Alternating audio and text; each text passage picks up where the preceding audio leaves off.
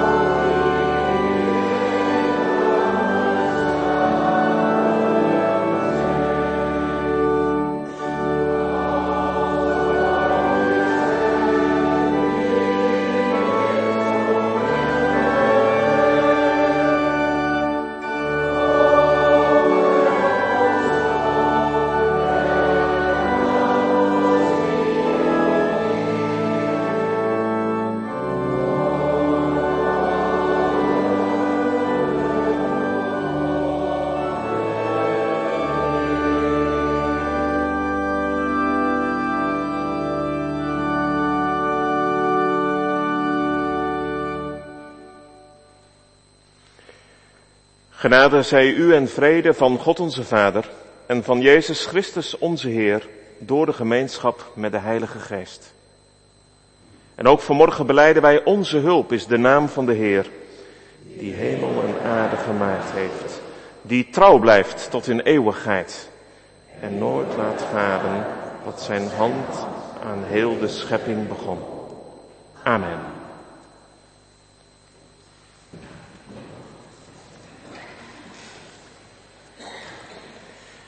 We bidden ons Kyrie-gebed en we antwoorden de Kyrie-gebeden een aantal keren met lied 301k. En ik zal steeds de eerste keer de regel zingen en u herhaalt hem. Laten we bidden voor deze wereld waarin zoveel gebeurt, waar we met ons verstand, met ons gevoel niet bij kunnen wat er gebeurt in Israël, in Gaza, op andere plekken in deze wereld, in Oekraïne. Het maakt mij wel eens sprakeloos. Ik weet eigenlijk niet meer wat ik daarbij moet zeggen, wat ik daarbij moet denken. We bidden God om ontferming in deze wereld waar het er zo vreed aan toe gaat. En tegelijk beleiden we ook dat het de Heer is die deze wereld in zijn hand houdt. Tegen alles wat we zien in. En we zingen dus ook God onze lof.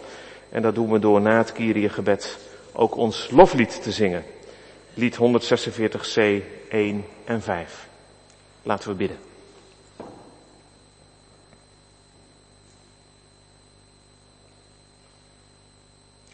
Barmhartige God, vanuit deze wereld waarin volken tegen elkaar staan, regeringsleiders olie op het vuur gooien, een mensenleven niets waard lijkt te zijn en de een nog sterker wil zijn dan de ander, bidden wij in naam van Jezus Christus uw Zoon, laat uw koninkrijk komen.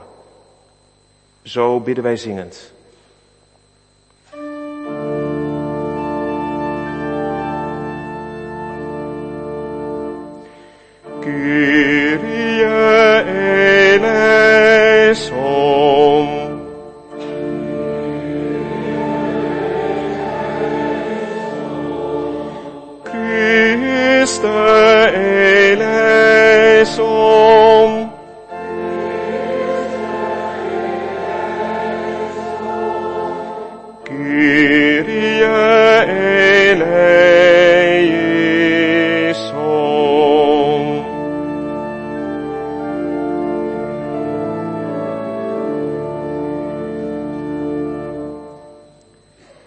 Barmhartige God, vanuit deze wereld waar mensen op de vlucht slaan en de natuur wordt uitgebuit, waar het recht van kwetsbare mensen met voeten getreden wordt, bidden wij in naam van Jezus Christus, uw Zoon, laat uw koninkrijk komen. Zo bidden wij zingend. Kyrie eleison.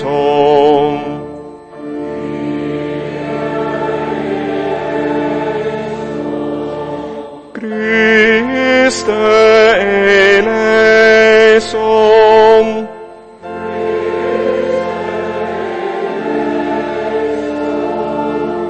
Kyrie eleison.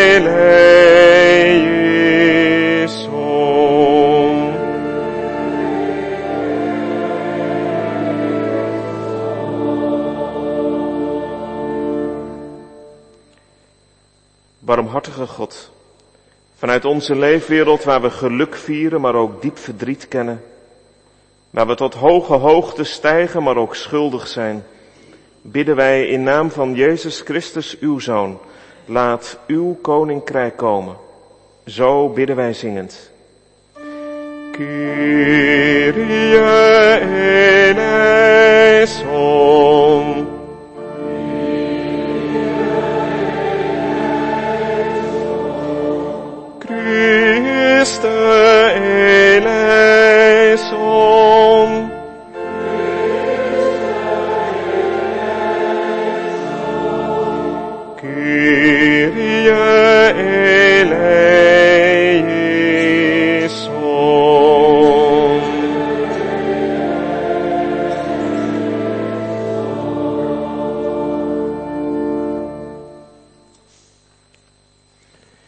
Zingen God ons Gloria lied, lied 146c, vers 1 en 5.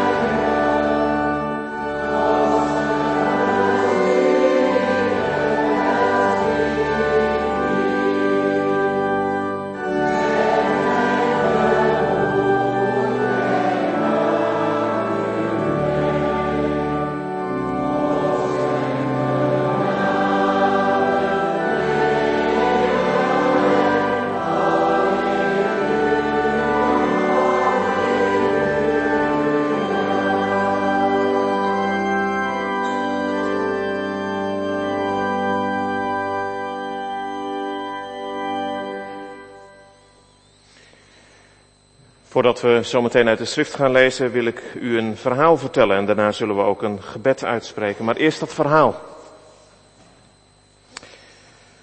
Tom van der Zee zit achter zijn bureau in een mooie kantoorkamer. En hij staat wat voor zich uit. Op de achtergrond, verder op de gang, hoort hij een gesprek van een van zijn medewerkers. Hij hoort wat fladden. Het zal wel weer gaan over die bestelling die niet klopt, net als vorige week. Ze waren de caviar vergeten. Nou, als je onrust aan boord wil, dan moet je zeggen, sorry mevrouw, de caviar is op. Tom heeft de airconditioning een graadje lager gezet. Het is benauwd. Op deze momenten verlangt hij wel eens naar de beginjaren van zijn bedrijf. Tom Sailors. De frisse wind om zijn hoofd, het verkoelende water, de geconcentreerde blik van zijn gasten aan boord tijdens het zeilen en natuurlijk het biertje in de haven na een mooie zeildag. Onwillekeurig gaan zijn ogen naar de foto op de wand tegenover zijn bureau. Het lijkt zo lang geleden. Het was een mooie tijd. Maar ja, stilstand is achteruitgang. Inmiddels heeft Tom een schitterend bedrijf met drie grote cruiseschepen. In het topsegment. Hij is trots op zijn imperium. Het is niet vanzelf gegaan.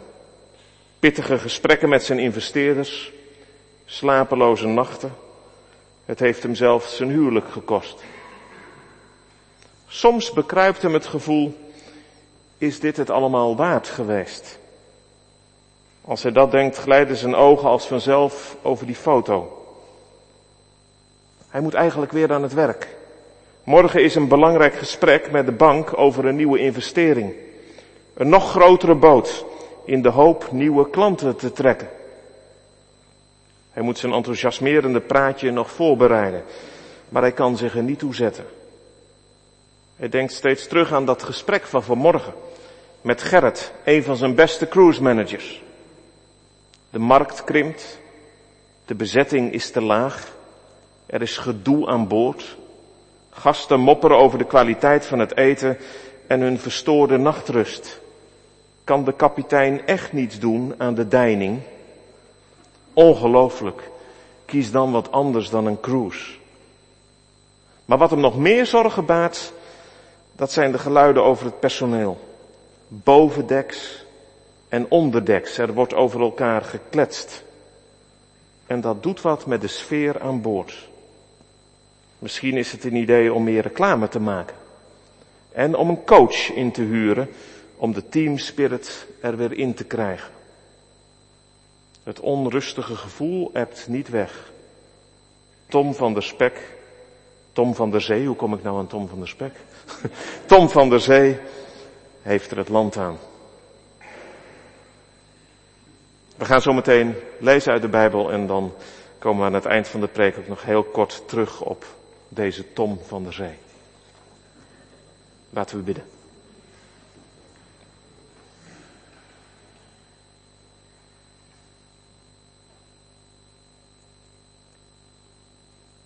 Heer onze God,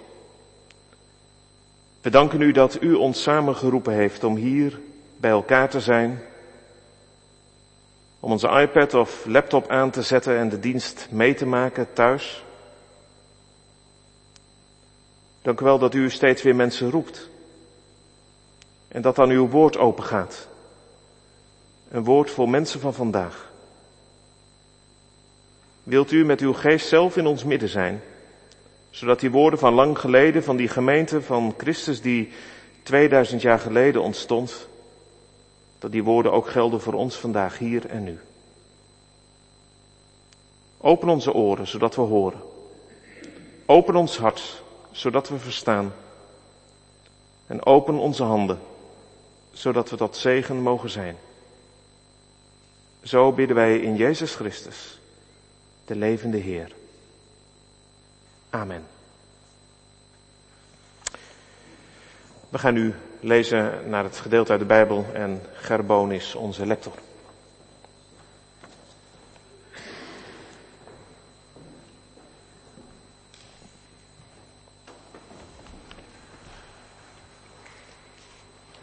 We lezen uit Handelingen 6, versen 1 tot 7.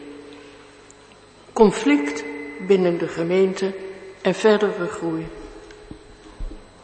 Toen het aantal leerlingen toenam, ontstond er op een gegeven moment ontevredenheid bij de Griekstaligen die de Hebreeuws sprekenden verweten dat de weduwen uit hun groep bij de dagelijkse ondersteuning werden achtergesteld.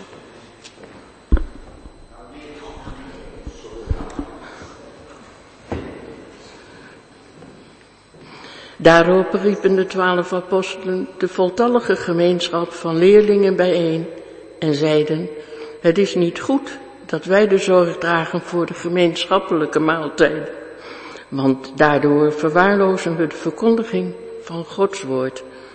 Kies daarom, broeders en zusters, uit uw midden zeven wijze mannen die goed bekend staan en vervuld zijn van de geest. Aan hen zullen we deze taak opdragen, terwijl wij ons zullen wijden aan het gebed en aan de verkondiging van het woord van God. Alle leerlingen stemden met dit voorstel in. Ze kozen Stefanus, een diepgelovig man, die vervuld was van de Heilige Geest, en verder ook Filippus, Prochorus, Nicanor, Timon, Parmenas en Nicolaus, een proseliet uit Antiochië. Ze lieten deze mannen plaatsnemen voor de apostelen, die een gebed uitspraken en hun daarna de handen oplegden. Het woord van God vond steeds meer gehoor, zodat het aantal leerlingen in Jeruzalem sterk groeide. Ook een grote groep priesters aanvaarde het geloof. We zingen nu lied 995.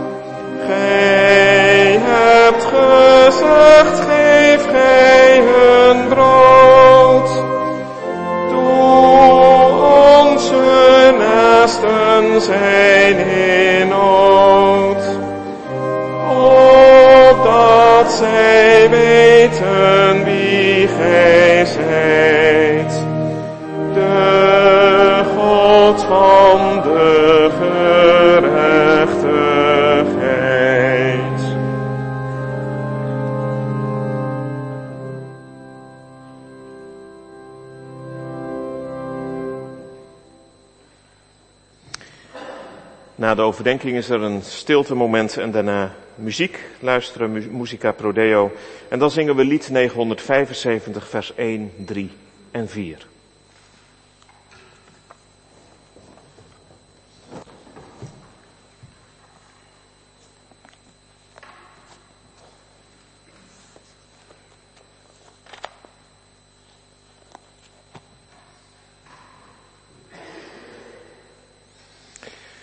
Staan zometeen in de preek stil bij die eerste verse uit Handelingen 6.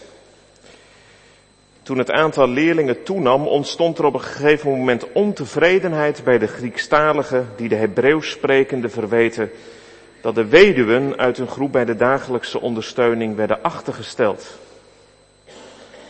En dan kiezen de twaalf, die kiezen dan broeders, zeven wijze mannen staat er, om uh, te gaan assisteren in de eredienst of in het leven in de gemeente. Nou, en zo begonnen we eigenlijk deze dienst ook. Dan zien we dat er in de kerk ook wel wat veranderd is, misschien.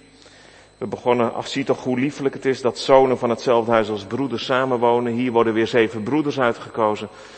Nou, gelukkig doen de zusters ook volop mee in de gemeente van Christus.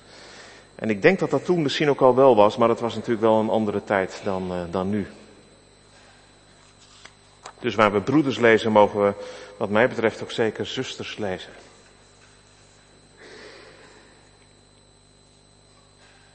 Gemeente van onze Heer Jezus Christus. In de eerste hoofdstukken van het Bijbelboek Handelingen lezen we over de eerste gemeente. Een voorbeeldgemeente zou je het kunnen noemen. Er wordt met hele positieve woorden over gesproken. De gemeente groeit. Ze hebben alles gemeenschappelijk. Ze komen dagelijks trouw bij elkaar. Het is een gemeente met een grote eensgezindheid en de vreugde voert de boventoon. Ze bidden met elkaar en ze breken samen het brood. En niet alleen intern ziet het er goed uit, ook van buitenaf klinken er positieve verhalen. Ze staan in de gunst bij het hele volk. Deze gemeente lijkt te voldoen aan het beeld wat Paulus schetst in zijn brief aan de Corinthiërs. Het is een lichaam dat goed functioneert. Hoe klinkt dat in onze oren? Leg het eens naast de gemiddelde gemeente in onze tijd. Als we ons eerlijk spiegelen aan deze eerste gemeente, dan kunnen we niet anders concluderen dan de lat ligt hoog, te hoog. Op allerlei punten gaat de vergelijking mank. Groei, dat is nou niet echt het woord dat past bij de gemiddelde gemeente in de protestantse kerk. En ook tijdens mijn bezoeken als klassespredikant aan de voorgangers en de kerkenraden in de Veluwe, in klasses Veluwe, valt bijna altijd wel dat woordje krimp. We zijn een krimpende, vergrijzende gemeente. En trouw samenkomen, ook daar valt nog wel eens wat op af te dingen. De kerk zit minder vol dan vroeger. En eensgezindheid? Nou, ja, het staat wel mooi op onze website. Vanuit ons eigen gezichtspunt zien we allemaal een ander stukje van die levende God die het hart vormt van onze kring. Die diversiteit is verrijkend. Die koesteren we. Zo staat er op jullie website. En ik herken dat. De verrijking van diversiteit. Maar het is soms ook best lastig. Al die meningen en inzichten. Ook voor de kerkenraad. Hoe weeg je al die geluiden en hoe kom je tot goede besluiten? Nee, we voldoen niet aan de spiegel die Lucas ons in handelingen voorhoudt. Als je stopt met lezen in handelingen 4, dan zou dit de conclusie kunnen zijn. Maar in de lezing van vandaag horen we dat het ook in die eerste gemeente niet altijd koek en ei is. Ik wil vanmorgen vanuit Handelingen 6 drie punten belichten. Een klassieke preek. In de eerste plaats, er ontstaat ontevredenheid bij de Griekstaligen. Waarschijnlijk gaat het hier over de Joden die oorspronkelijk uit andere delen van het Romeinse Rijk komen. Ze spreken Grieks in tegenstelling tot het Aramees dat in Israël gesproken wordt. De weduwen uit deze kring, zo zeggen ze, worden achtergesteld. De nieuwe vertaling gebruikt het woord ontevredenheid. En het Grieks staat aan een woord dat je kunt vertalen met geklaag, gefluister, gemor, geruzie. Zie het voor je? Een groepje mensen voelt zich achtergesteld en ze gaan daar met elkaar over praten. Eerst een opmerking tussen neus en lippen door bij de koffie. Een veelbetekenende blik als het over iemand uit het andere kamp gaat. Een verdachtmaking. Wat doet dat met de sfeer in de gemeente? Als je zo over elkaar fluistert en roddelt. Als je klaagt over van alles en nog wat, wat niet goed gaat. Als er ruzie is. Van de eensgezindheid waarover we eerder lazen in Handelingen 4, is in Handelingen 6 al niet zoveel meer over. Fluisteren en klagen over mensen is afbrekend. Dat verziekt niet alleen de sfeer, het tast de eenheid van het lichaam aan. De apostel Jacobus maakt er korte metten mee. We lezen Jacobus 3. Zo is ook de tong een klein orgaan. Maar wat een grootspraak kan hij voortbrengen. Bedenk eens hoe een kleine vlam een enorme bosbrand veroorzaakt. Onze tong is net zo'n vlam. Met onze tong zegenen we onze Heer en Vader. En we vervloeken er mensen mee, die God heeft geschapen als zijn evenbeeld. Uit dezelfde mond klinkt zegen en vervloeking. Dat kan toch niet goed zijn, broeders en zusters? Tot zover Jacobus. Dat is geen zachtzinnig oordeel. Jacobus, het is een apostel die stevig uit de hoek kan komen. Hij houdt ons een belangrijke spiegel voor. Wie van ons gaat vrij uit? Ik niet.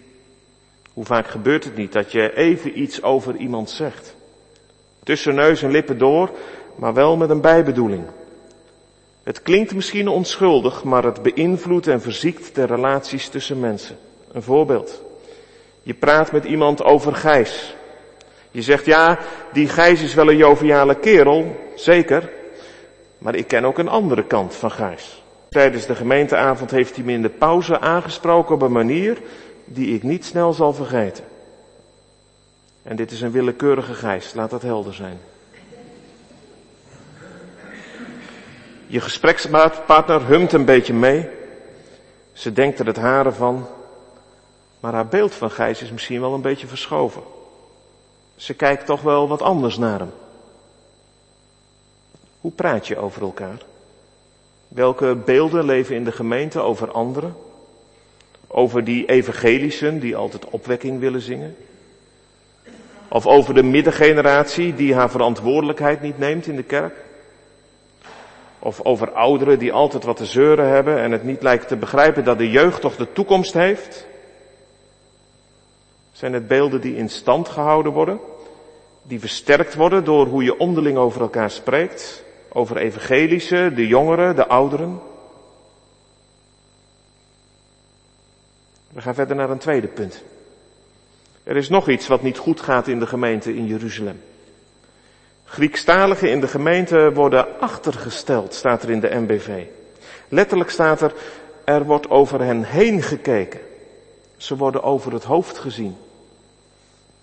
Dat klinkt wat mij betreft dieper dan ze worden achtergesteld.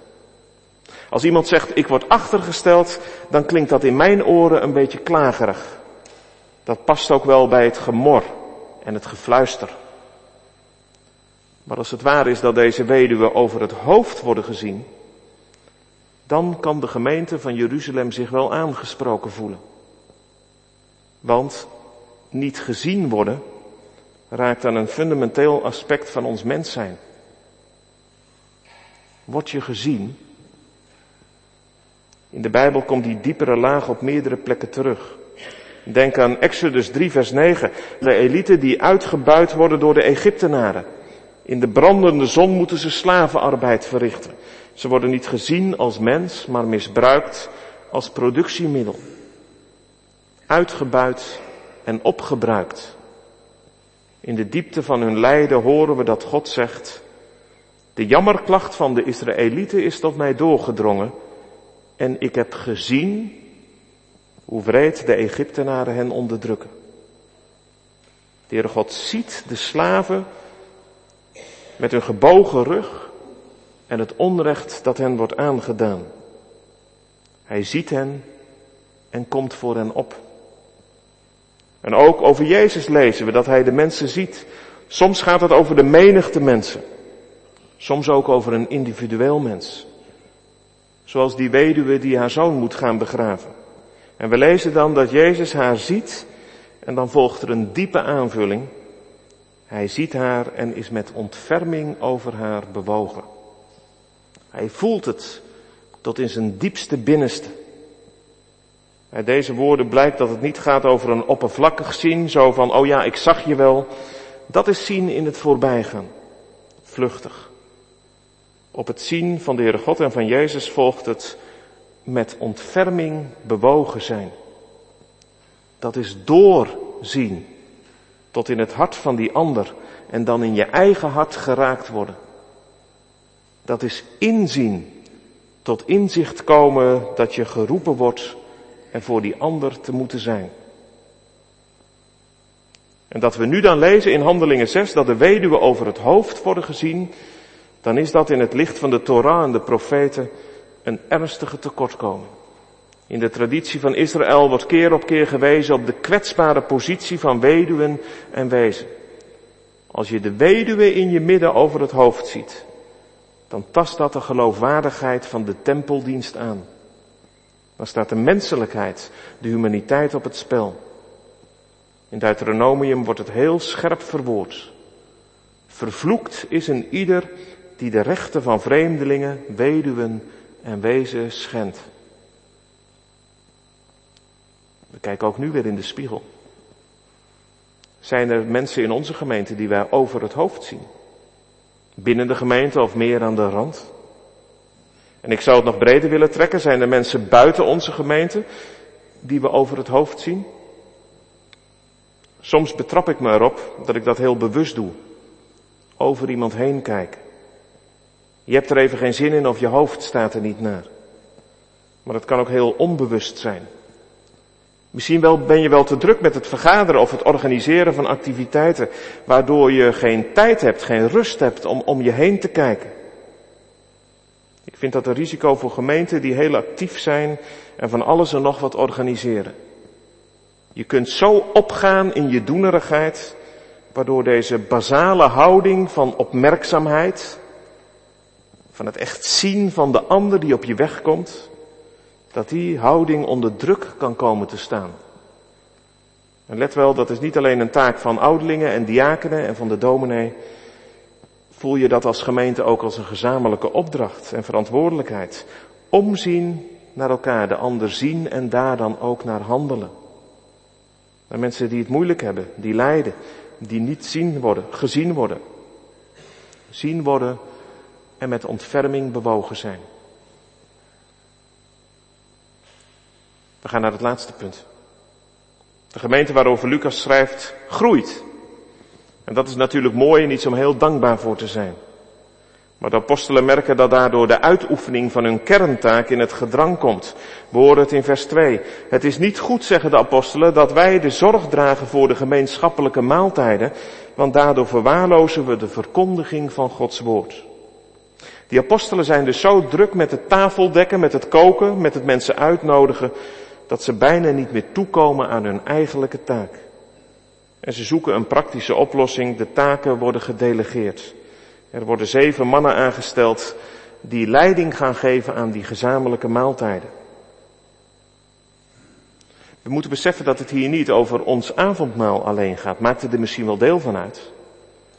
Maar dit waren echte maaltijden met een volledige maaltijd. Het gaat hier over eerste levensbehoeften. De weduwen die over het hoofd werden gezien, zijn afhankelijk van deze maaltijden. Het is het verschil tussen met een lege maag naar bed gaan of met een voldaan gevoel in slaap vallen.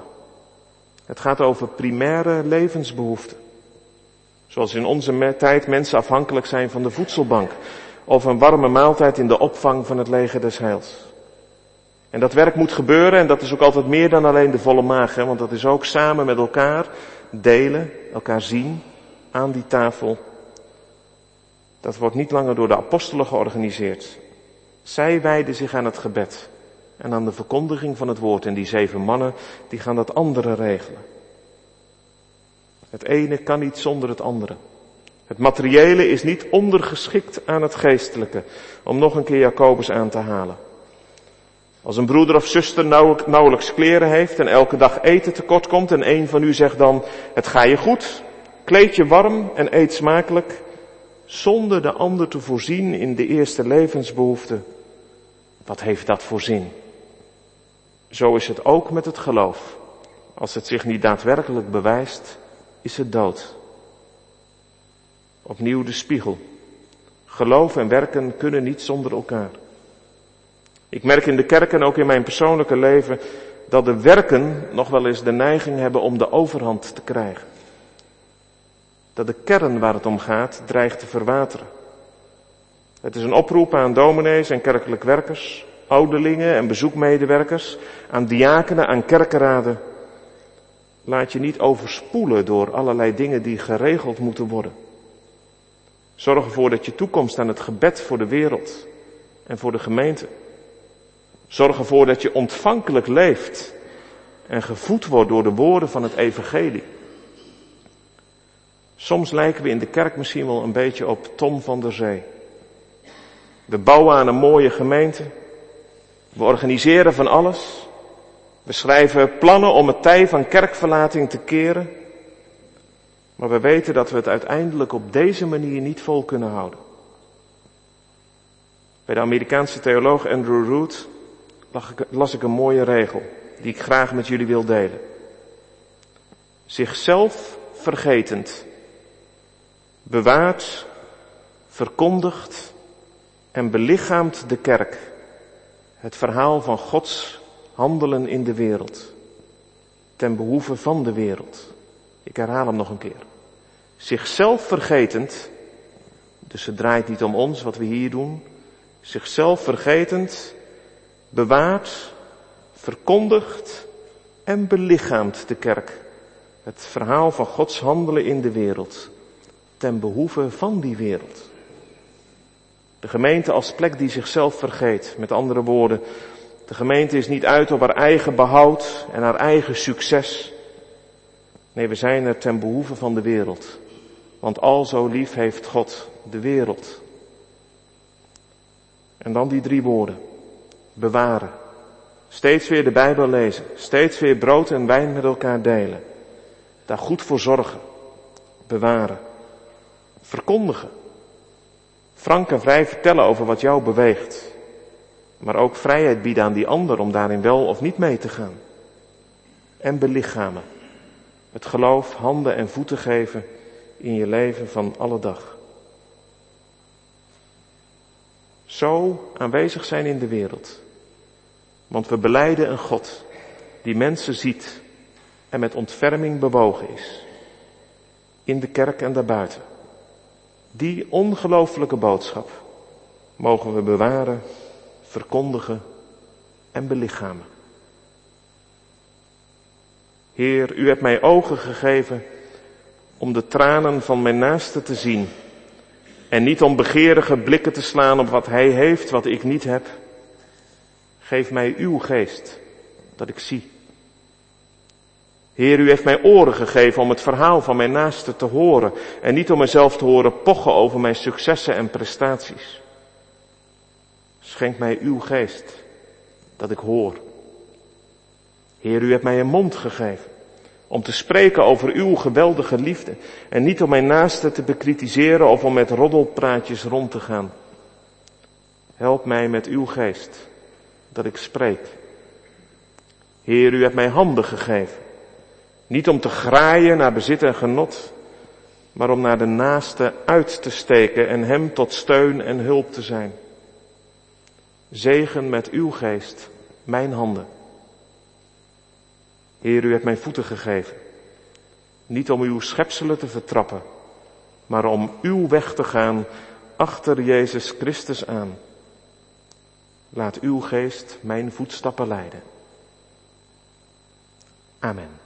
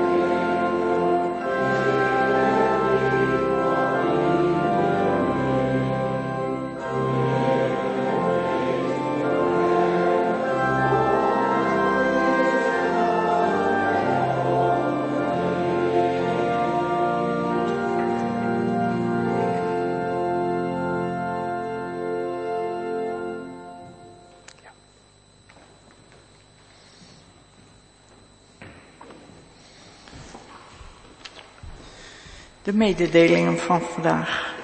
De collecte, u kunt uw bijdrage geven via de app van Apostel of deze link.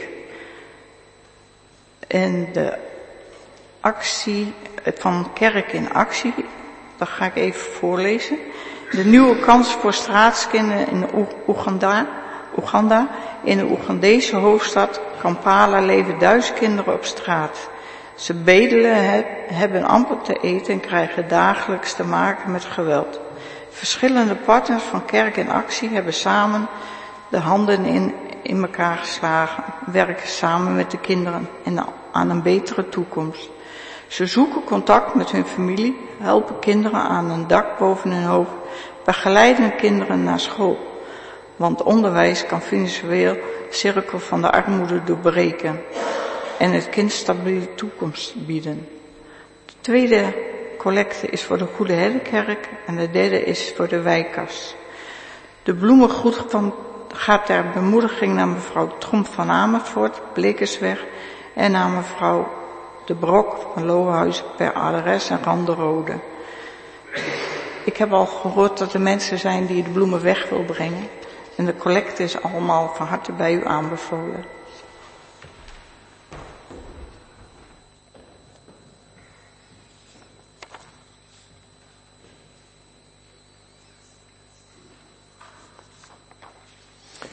Laten we bidden.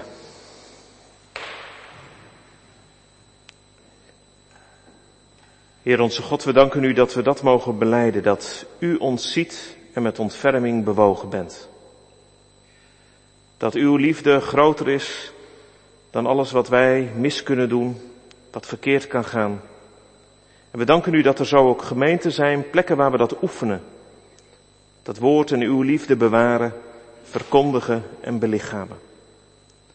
Dat bidden wij u ook voor de kerkenraad hier van de Goede Herderkerk en alle mensen die op de een of andere manier een steentje bijdragen, die onderdeel zijn van deze gemeente. Heer, wees hen nabij en zegen hen met uw liefde. En dat we elkaar zien, echt in het oog hebben, dat we elkaar horen en dat we vrede met elkaar delen. We bidden u voor Manita Staps en Kees, haar ouders, die naar Ethiopië gaan morgen om gezinnen te bezoeken Heer, wilt u hen daarin nabij zijn en een goede tijd geven. Dat het gezegend mag worden, de contacten. En dat ze ook weer veilig terug mogen komen na hun bezoek aan Hawassa. We bidden u voor deze wereld, waar zoveel gebeurt wat we niet begrijpen. De schok en de shock die er is bij mensen in Israël. Wat hen is overkomen op 7 oktober. Het brute geweld, de terreur. Heer, ontferm u over hen die deze beelden niet van hun netvlies kunnen krijgen. Over hen die een geliefde moeten verliezen, meer geliefden. Heer, ontferm u over hen. We bidden u voor de mensen in de Gazastrook, die opgejaagd worden, niet weten waar ze heen moeten. Heer, ontferm u over hen. We bidden u voor Oekraïne. Geef dat er een einde komt aan het geweld op al die brandhaarden op deze wereld.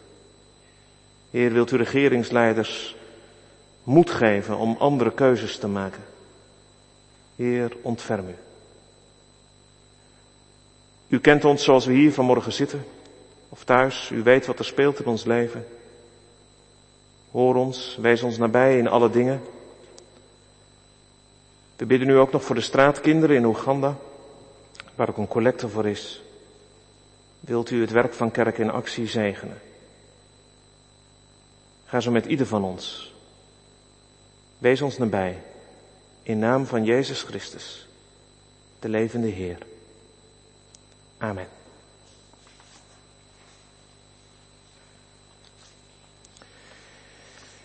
Gaan we nu over tot de dienst van het woord. Als teken van zijn liefde voor alle die hem zoeken, nodigt de Heer ons aan zijn maaltijd. Want hij heeft gezegd, komt tot mij alle die vermoeid en belast zijn, en ik zal u rust geven. Kom dan en deelt u zijn gaven, want zo wil de Heer met ons zijn. En als de Heer in vrede met ons wil zijn, wensen wij ook elkaar de vrede van Christus.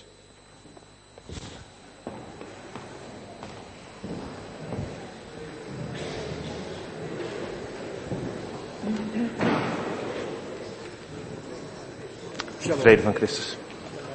De vrede van Christus. De vrede van Christus. De vrede van Christus.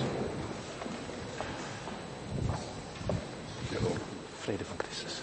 Shalom. Vrede van Christus. Vrede van Christus. Vrede van Christus.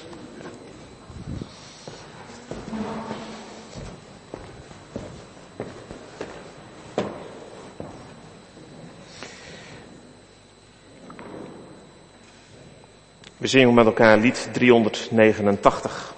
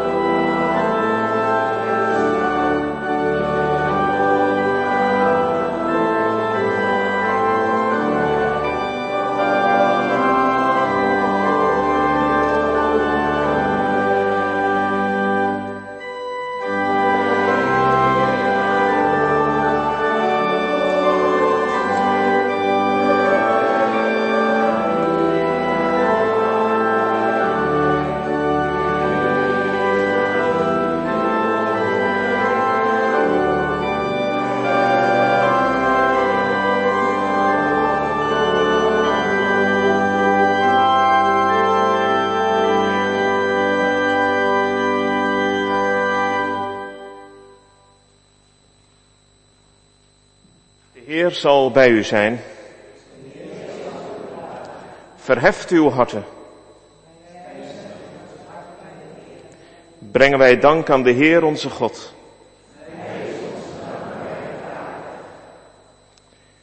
U komt onze dank toe, Heer onze God, overal en altijd, door Jezus onze Heer.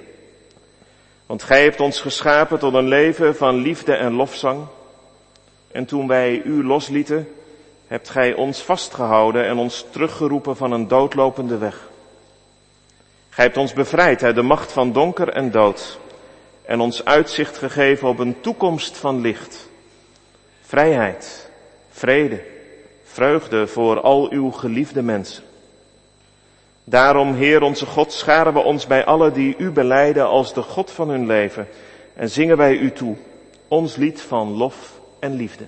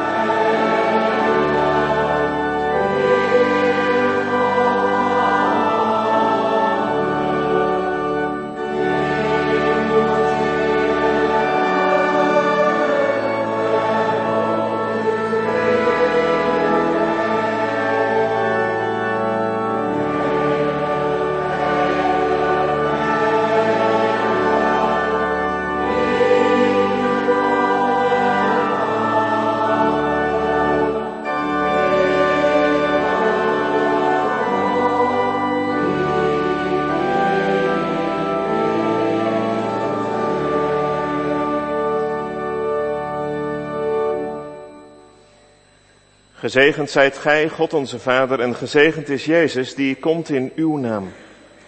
Want hij is tot het uiterste gegaan om ons voor u te behouden.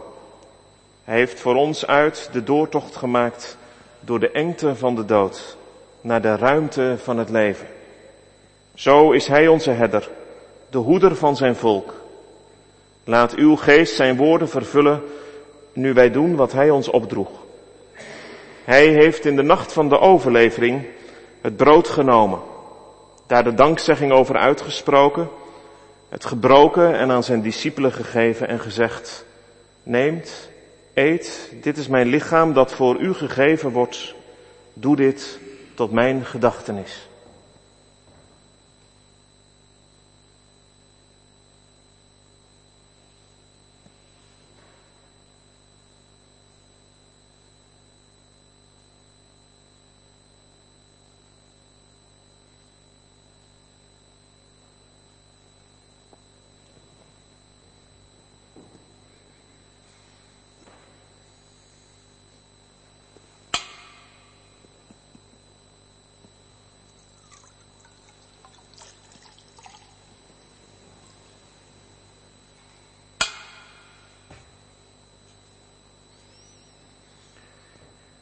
Zo heeft hij ook de beker genomen, daar de dankzegging over uitgesproken, hem rondgegeven en gezegd, drinkt alle daaruit.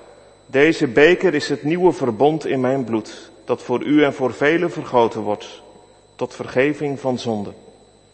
Doe dit zo dikwijls gij die drinkt, tot mijn gedachtenis. Zijn dood gedenken wij. Zijn opstanding beleiden wij.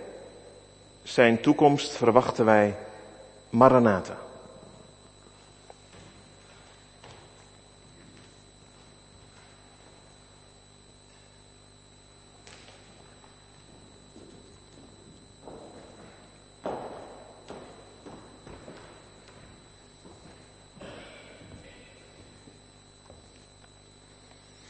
Bijeen tot zijn gedachtenis komen wij met dit brood en deze beker en bidden wij, gedenk het offer van de Zoon van uw liefde en aanvaard ons offer van lof en dank. Zend uw geest op ons neer, de geest die levend maakt en erschep ons tot mensen die uw Zoon laten voorgaan en niet ophouden u te beleiden en elkaar te behoeden de ogen gericht op uw rijk dat komt. En voeg ons in deze maaltijd samen met alle die ons zijn voorgegaan. Met wie ons lief waren en die we moesten verliezen. Met de heilige van naam en de ontelbare vergetenen. Voeg ons samen met heel uw mensenvolk, genodigd aan uw maaltijd. Gezegend zij uw naam, God onze God, in goede en in kwade dagen, voor altijd en eeuwig, door Jezus Christus, onze Heer. We bidden nu het gebed dat Jezus ons heeft geleerd. Onze Vader, die in de hemel zijt, uw naam wordt geheiligd, uw koninkrijk komen, uw wil geschieden, gelijk in de hemel, alzo ook op de aarde. Geef ons heden ons dagelijks brood en vergeef ons onze schulden, gelijk ook wij vergeven onze schuldenaren. Leid ons niet in verzoeking, maar verlos ons van de boze. Want van u is het koninkrijk en de kracht en de heerlijkheid tot in eeuwigheid. Amen. Zalig, gelukkig bent u die genodigd is aan de maaltijd van het lam. Kom dan, want alle dingen zijn gereed.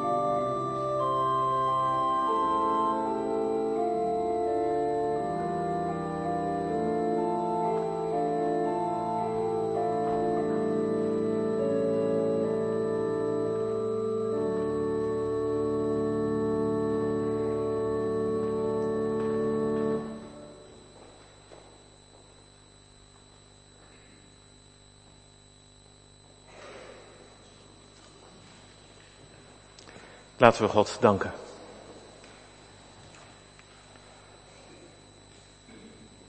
Brood uit de hemel hebt gij ons gegeven, waardoor ons geloof wordt gevoed, onze hoop vermeerderd en onze liefde versterkt. Wijn van het koninkrijk hebben wij gedronken, die onze vreugde versterkt. We bidden u, Heer, wek in ons de honger op naar Hem, die het levende en ware brood is. En laat ons leven van ieder woord dat voortkomt uit uw mond, door Christus onze Heer. Amen. We zingen nu met elkaar en als u dat kunt graag staande, Psalm 136 vers 1.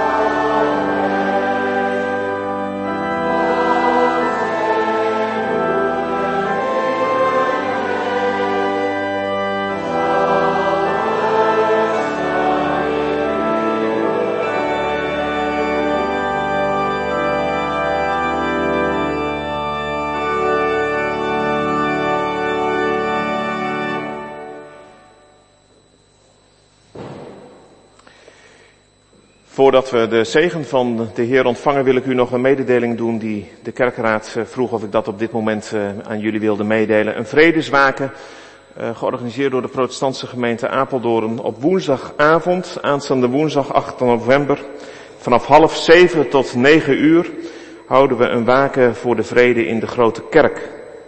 Hiermee willen we uiting geven aan onze gevoelens van zorg en verdriet over de oorlog in Israël en Palestina en op andere plaatsen wereldwijd. Maar we willen ook de kaars van hoop op vrede brandend houden. Met gebed, zang, poëzie, verhalen, stilte en het aansteken van kaarsjes. Je kunt in en uitlopen wanneer je wil en hij wordt georganiseerd door de wijkgemeenten van de protestantse gemeente Apeldoorn. Dus aanstaande woensdag 8 november. Goed dat u het zegt. Ja. 8 november, dat is nog niet komende woensdag. Woensdag over een week, vanaf half zeven tot negen uur. Dank u wel. Fijn om zo hier vanmorgen in jullie midden te zijn. Om ook samen met jullie de maaltijd van de Heer te mogen vieren. Nu ik klassespredikant ben en geen eigen gemeente meer heb, vier ik dat minder vaak. In ieder geval als voorganger. Dus ik ben altijd blij als een gemeente mij vraagt, uh, dan zeggen ze wel eens, vind je het niet vervelend, want er is ook avondmaal? Dan zeg ik, nee, dat vind ik alleen maar mooi om met jullie te mogen doen. Dus fijn om hier dat samen met jullie te mogen doen. We mogen hier vandaan gaan als mensen van de vrede. Mensen die de zegen van de Heere God meekrijgen om dat woord van liefde en vrede te bewaren, te verkondigen en te belichamen.